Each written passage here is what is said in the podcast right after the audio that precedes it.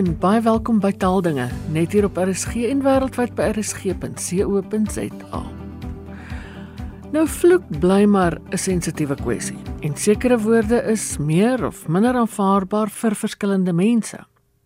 Maar as jy nou soms vloek, doen jy dit in Afrikaans of in Engels? Professor Gerard van Huisteen van die NWU is lankal reeds besig met navorsing oor vloek en hy vertel vandag meer oor 'n internasionale projek juis hieroor. Gerard, jy's nou al 'n rukkie besig met 'n groter vloekprojek. Ehm, um, maar nou is jy besig met 'n studie in samewerking met die Universiteit van Wene nogal oor vloek en tweetaligheid. Gee 'n bietjie agtergrond en vertel bietjie meer daaroor. Inderdaad, uh, Ina, soos ons al van tevore gepraat het, vloek het soveel dimensies, nie net talige dimensies nie, maar ook spesifiek sielkundige en neurologiese dimensies. En hierdie deel van die projek waarmee ons nou besig is, is in samewerking met die Universiteit van Wene in Oostenryk en dan saam met die Universiteit van Londen in Engeland. Ehm um, En hier gaan dit die mense saam met wie ons werk is baie spesifiek eintlik sielkundiges. Dit gaan nou baie sterker oor tweetaligheid en die emosionaliteit van vloek. Hoe staan dit teenoor mekaar? Hoe gee ons deur middel van taal uitdrukking aan ons emosies? En natuurlik is vloek een van die maniere hoe ons uitdrukking gee aan emosies en dit is dan spesifiek waarop hierdie deel van die projek fokus. Hoekom spesifiek Afrikaans-Engels tweetalig? ja, so uh die Dr Eloise Botus wat nou ons primêre vernoot is aan die ander kant by die Universiteit van Wene. Sy is 'n uh, Suid-Afrikaanse vrou eh, wat nou 'n postdoc daar in Wene het. So sy is Afrikaans-Engels tweetalig en ek en sy toe in aanraking met mekaar gekom. So dis daar's 'n bietjie 'n toevalligheid daarin. Maar Ina aan die ander kant, jy weet eintlik is elke Afrikaans sprekende is eintlik per definisie tweetalig, dink ek. Uh, is bietjie een van ons hipoteses, nê. Nee, die meeste mense verstaan darm iets van Engels. Trouwens ek dink in die wêreld, jy weet, is amper almal het darm een of ander begrip dalk van Engels of van 'n ander tweede taal. Dis nou 'n vreeslike vereenvoudiging, daarop hoef ons nou nie in te gaan nie. Maar Afrikaans Engelse tweetalige mense word in elk geval hoe dan ook internasionaal gereken as van die beste tweetalige mense. Selfs beter as die Skandinawiërs, die Nederlanders en so aan word Af uh, Afrikaans-Engelse tweetaliges gereken as baie goeie tweetaliges. So dit gee vir ons toegang tot mense wat dus in beheer is, beheersing het oor twee taalstelsels. En uh, en beide stelsels eintlik goed beheers. En dan wanneer jy sien dat mense skakel tussen hierdie twee tale, nê. Nee, baie mense word geïrriteerd uh, deur kunstenaars wat sê, "O, ons het weer hierdie naweek 'n awesome show gehad." Of hulle sê eintlik sê ons het hierdie uh, uh, ja, hierdie naweek 'n awesome show gehad uh, met die lekkerste musiek uh, wat die producers vir ons uh, op die loudspeakers gespeel het. Jy weet, something like that. Uh, dan kry ons daai vermenging. Wat 'n absolute teken is hoe hierdie twee stelsels eintlik een stelsel in ons koppe is uh, wat leef, nê. Nee. Ehm um, ja. daar was baie jare eintlik gedink dat tweetaligheid is twee stelsels. Die Afrikaanse deel sit sê net maar hier aan die linkerkant en die Engelse deel sit hier aan die onderkant en so. Uh, maar nee nee, ons kom al meer en meer agter uh leer ons dit dis eintlik een stelsel en ons weet wanneer om te filter. Nou weet ons moet vloekwoorde die normale filters wat vir taal geld, geld nie altyd vir vloekwoorde nie, nê. Nee. Uh ek het al dink ek voorheen vir jou vertel Ina, my ma vloek vloek glad nie, maar ek sal my ma in 'n onverwagse oomblik betrap dat sy vloek as sy haarself sê nou maar sny met 'n mes in die kombuis. Sy gaan dalk nou nie die allergruwelikste uh woorde gebruik nie, maar sy gaan dalk vloek want dis daai onbewaakte oomblik, net dis wanneer daar nie 'n filter is nie wat dit dan gewoon uitkom. En op daardie manier bied vloek dus vir ons 'n beeld op wat in die mens se siege aangaan sonder dat daar noodwendig filters op is. En dan spesifiek in die geval van Afrikaans-Engelse sprekers, gee dit ons insig in daardie talige stelsel van tweetalige mense. Nou is daar mense wat natuurlik vra, ja, die land is aan die brand uh en die ligte brand nie en so aan. Hoekom op aarde is julle nou besig met sulke beuselagtighede om nou oor tweetalige mense se vloekgedrag navorsing te doen? Nou Ina, uh, ek ek kan 2 ure lank met jou eintlik daaroor praat. Maar een van die goedjie, kom ek noem vir jou twee. Een van die goeders waarom ons hierdie tipe van insig wil hê in die menslike siege en die verbintenis tussen emosie en taal. Ons het baie psigologiese toestande, sindrome en so aan waar vloek 'n teken daarvan is, nê. Nee. En uh, aan die een kant en aan die ander kant sit 'n mens met uh, bepaalde sindrome en bepaalde uh, gedragspatrone en so aan waar mense meer of makliker kinders veral verkies om Engels argumente onthou te praat eerder as Afrikaans. Byvoorbeeld, uh, ons sien dit dikwels by kinders wat op die spektrum is.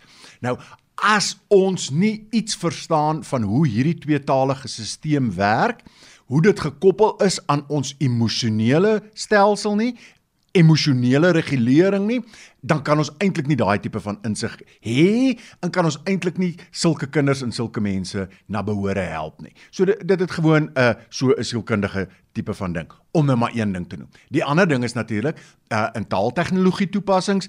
Um ek het Alexa byvoorbeeld en wil ek nou hê Alexa moet met my in Engels uh deeltyd praat nie ek wil op 'n stadium hê sy moet met my Afrikaans begin praat nou is die vraag kom ons sê ek is argumente ont iemand wat uh, graag vloek en so aan.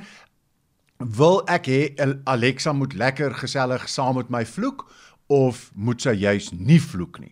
Gaan dit my koopgedrag beïnvloed as sy uh, sê hey dude luister uh, ek het nou 'n bloody interessante ding hier gesien wat ek dink jy van gaan hou Wil ek hê sy moet so met my praat of moet sy bly met 'n uh, baie formeel in 'n baie formele stem bly, nê? Nee, ons verstaan nog nie die impak hiervan nie. Maar weer eens tweetaligheid.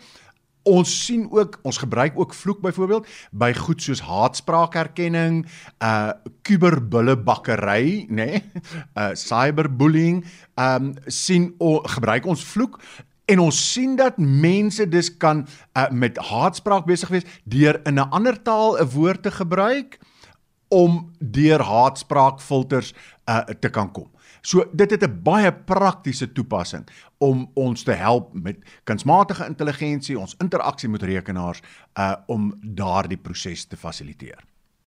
Ek wonder of dit uh, en jy het 'n bietjie daaroor daaraan geraak of mense sekere woorde eerder in sê nou maar Afrikaans sou kon sê as in Engels die Engels klink vir jou dalk grower of andersom. Dis eintlik die hart van die ondersoek. Ehm um, wat wat jy nou hier van praat. Kom ek gee vir jou 'n voorbeeld. En ek gaan vir jou probeer ek gaan nou nie vir jou 'n vloekwoord voorbeeld gee nie, want anders beïnvloed dit dalk 'n bietjie ons navorsingsresultate. Kom ek gee vir jou 'n ander voorbeeld. Ons weet een van die algemeenste Engelse woorde wat in Afrikaans gebruik word is nice. Nee, dis nice en dis nice en dit was nice koffie en dit was nice om jou weer te sien en alles is nice en alles is nice en alles. My Engelse vriende vir hulle is alles weer lekker, né? Nee? Oh, it was so lekker to see you yesterday and oh, what was that a fantastic and a lekker pie uh, that we had and uh, now he's a lekker ou en so aan, né? So hulle gebruik ja. weer lekker. So nou vra ons met vloek waar ons dan weer nie filters het nie.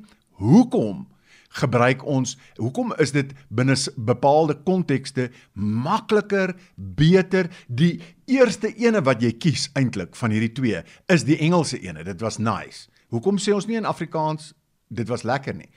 Ehm uh, natuurlik sê ons dit maar uh, hoekom gebeur dit dat mense nice gebruik en die Engelse mense lekker gebruik? So uh, dit is baie deel van die hart van ons ons vraag wat ons wil vra is hoekom gebeur dit? Daar's 'n vraelys wat 'n mens kan invul en ek het nou daarna gekyk en die eerste deel maak nou redelik sin, dis maklik en so. Maar die volgende dele sonder dat jy nou jy weet soos jy sê jou navorsing beïnvloed, hoekom is die volgende dele daar? you know, en ek ons gaan nou wat noem mense cliffhanger in in in Afrikaans. um 'n hoogtepunt. Uh so 'n spannende punt moet ons nou gaan ons nou hier eindig want as mense nie die vraelys gaan voltooi nie, dan gaan hulle nou eintlik nie weet waaroor ons praat nie. Die eerste deel is inderdaad gaan presies nou oor hierdie uh vloek en so. Maar dan kom daar twee dele daarna um wat ek die meeste kommentaar op kry wat mense sê hoekom moes ek dit ingevul het? Ek verstaan glad nie hoekom ek dit moes ingevul het nie. Nou Ina dit gaan ek en ek kan nou nie hier sê nie want dan beïnvloed ek dalk die die die navorsing.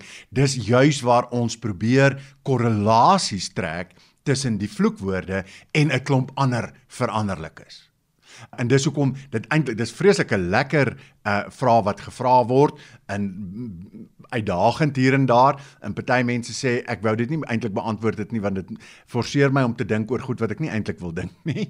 Um oor myself. So daar's niks vreemd daarin uh, wat wat gevra word nie. Maar mense verstaan nie hoekom moet hulle dit invul nie. En dis eintlik dis eintlik deel van die storie want ons moet probeer agterkom wat is korrelate met goed uh, en daaroor kan ons natuurlik nou nie voor die tyd praat nie. Wil jy hê mense moet aan die projek deelneem? Met ander woorde wil ons luisteraars vandag uitnooi om aan die projek deel te neem. Och asseblief Ina, dit sal fantasties wees.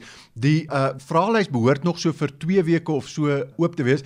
Ons het reeds in die eerste week wat dit oop was, het ons uh, byna byna byna byna 1000 mense gekry wat deelgeneem het wat natuurlik al fantasties is vir 'n studie van hierdie aard maar ons wil graag hier by die 3-4000 mense kry om deel te neem in hierdie eerste fase van die projek. So asseblief as daar mense is Ina en jy kan hulle stuur in die rigting van vloek.co.za daar is al die skakels en so aan dis nie meer ingewikkeld as dit nie. In 'n vraelys vat jou 15 minute om te voltooi indien so lank. Dit is minder as 15 minute.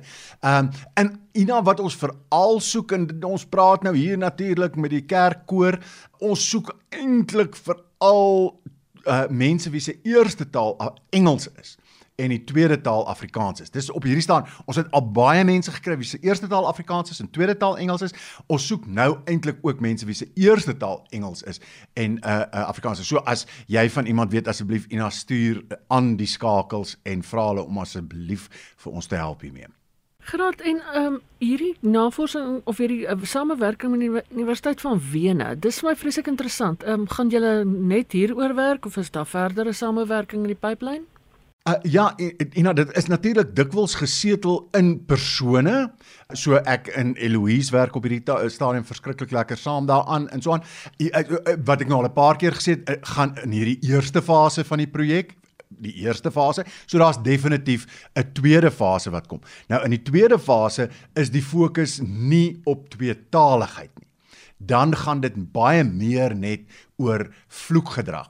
Nou mense wat nou deelneem, neem eintlik sommer deel aan deel 1 en deel 2, uh maar daarna in die volgende fase gaan ons dus eintlik fokus op enige iemand wat Engels op enige manier uh magtig is. En ons hoop ons gaan dan 'n groot klomp mense nog bykry, internasionaal mense bykry, want dan gaan ons want wat wat vir ons gaan dit gaan vir ons daar iets van hoe reguleer jy as mens sielkundig, nê? Nee? Hoe reguleer jy bepaalde emosies en goed deur middel van taalgebruik?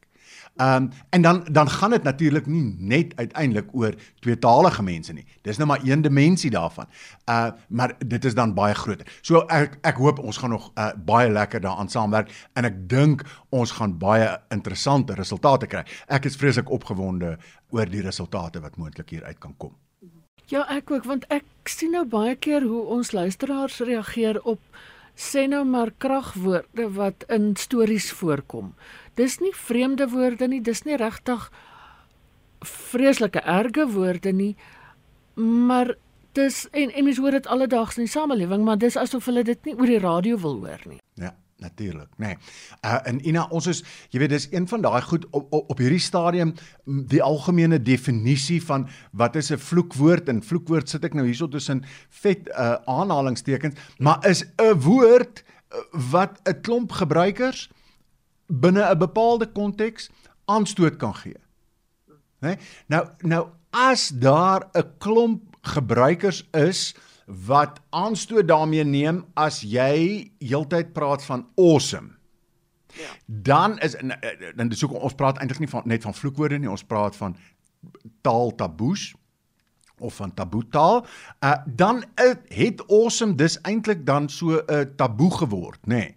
wat jy binne die konteks al gebruik al wat 'n Afrikaans sprekende is dit op uh, alle gegeewe oomblikke en of op, op, op talle verskillende oomblikke, maar binne die konteks van 'n radio binne die konteks van 'n RSG wat 'n bietjie meer aan die formele kant nog altyd was en so aan besig om dalk te verander en so aan maar soek die mense nie daardie awesome woord daartussen nie nê nee? en dit is eintlik maar dieselfde met enige vloekwoord wat dan ook invlieg argumentsonthaalwe. In in in in dalk is mense uh, as ek nou maar mag vloek hier Ina, dalk is mense tevrede met uh, nie so gekomkommerd ge, ge, ge, ge, met Bladdy nie, nê. Nee, ek dink ek kan maklik vir my ma sê, "Ag, oh, dit was Bladdy moeilik geweest of so iets."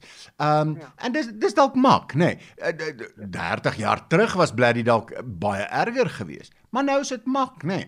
Ehm um, ja. en so verander hierdie goeters met verloop van tyd uh, bly vloekwoorde verander. Veral dan om terug te kom na die tweetalige samelewing toe, veral dan in 'n tweetalige samelewing waar ons sit met twee tale soos Afrikaans en Engels wat eintlik vreeslik nou verwant is aan mekaar, né? Nee? Ons moenie vergeet nie Afrikaans en Engels deel deesdae amper meer eienskappe, grammatikale eienskappe wil ek sê, as wat Afrikaans en Nederlands deel wat betref die morfologie ten minste, jy weet. Ehm um, ja. ons deel baie dieselfde eienskappe. Ons is albei Wes-Germaanse tale en so. Nou leef hierdie twee tale baie nou uh, saam met mekaar in 'n land al vir 200 en hoeveel jaar. Ehm um, ons gaan mekaar beïnvloed. En waar kom hierdie tale ook met mekaar in aanraking? Nie net in die howe en in die parlement nie, maar juis ook om die braaivleisvuur en so aan. En daar waar dalk gevloek word. En ek dink daar is 'n paar mense wat uh uh beter in Engels kan vloek as wat hulle in Afrikaans kan vloek. Um en en en daarom kan ons verwag dat die Afrikaanse vloekwoordeskat dis ook beïnvloed word deur die Engelse een, net soos wat die Engelse een deur Afrikaans be, beïnvloed word. Um die die woord wat na donderslaa en 'n uh, bliksemslaa en so aan verwys, um daai staan in die Engelse uh uh woordeboek, die Dictionary of South African English opgeteken, né? Nee, dis weer leenwoorde wat in Engels opgeneem is wat uit Afrikaans uitkom. So ons tale bly mekaar oor en weer beïnvloed uh of ons nou daarvan hou en of ons nie daarvan hou nie. En natuurlik ehm um, woorde wat waarskynlik streeksgebonde is kan ook in ander kringe as onvanpas ervaar word. Absoluut. Jy weet mense uh sê dikwels mense hoor dit en dis nog iets wat ons een op, op een of ander stadium uh moet uh, bepaal moet gaan meet en so aan. Ehm um, en dit is dat o, oh, daar's niemand wat so mooi vloek soos die Namakwalanders nie. Uh ja. nou ek het nou, jy weet, mense sê dit graag. Uh dis dis 'n persepsie. Die moet ons dan nou gaan empiries bewys. Jy weet, is daar meer vloek in uh, die Namakwa in Namakwalands? Is daar kreatiewe maniere van vloek in Namakwalands en so aan? Dit is eintlik 'n heerlike navorsingsprojek wat 'n mens nog moet aanpak. Um want daai woorde en daai segswyse kan natuurlik weer op 'n stadium deel word van standaard Afrikaans en versprei in die land uh op grond van 'n klomp faktore wat 'n rol mag speel dat dit kan gebeur, jy weet. So dis nie net gewone woorde waarmee dit kan gebeur nie, maar ook juis met byvoorbeeld vloekwoorde. Gerard en slotte gee net weer daai adres waar jy waar mense die vraelys kan invul. Ina, dit is by vloek.co.za.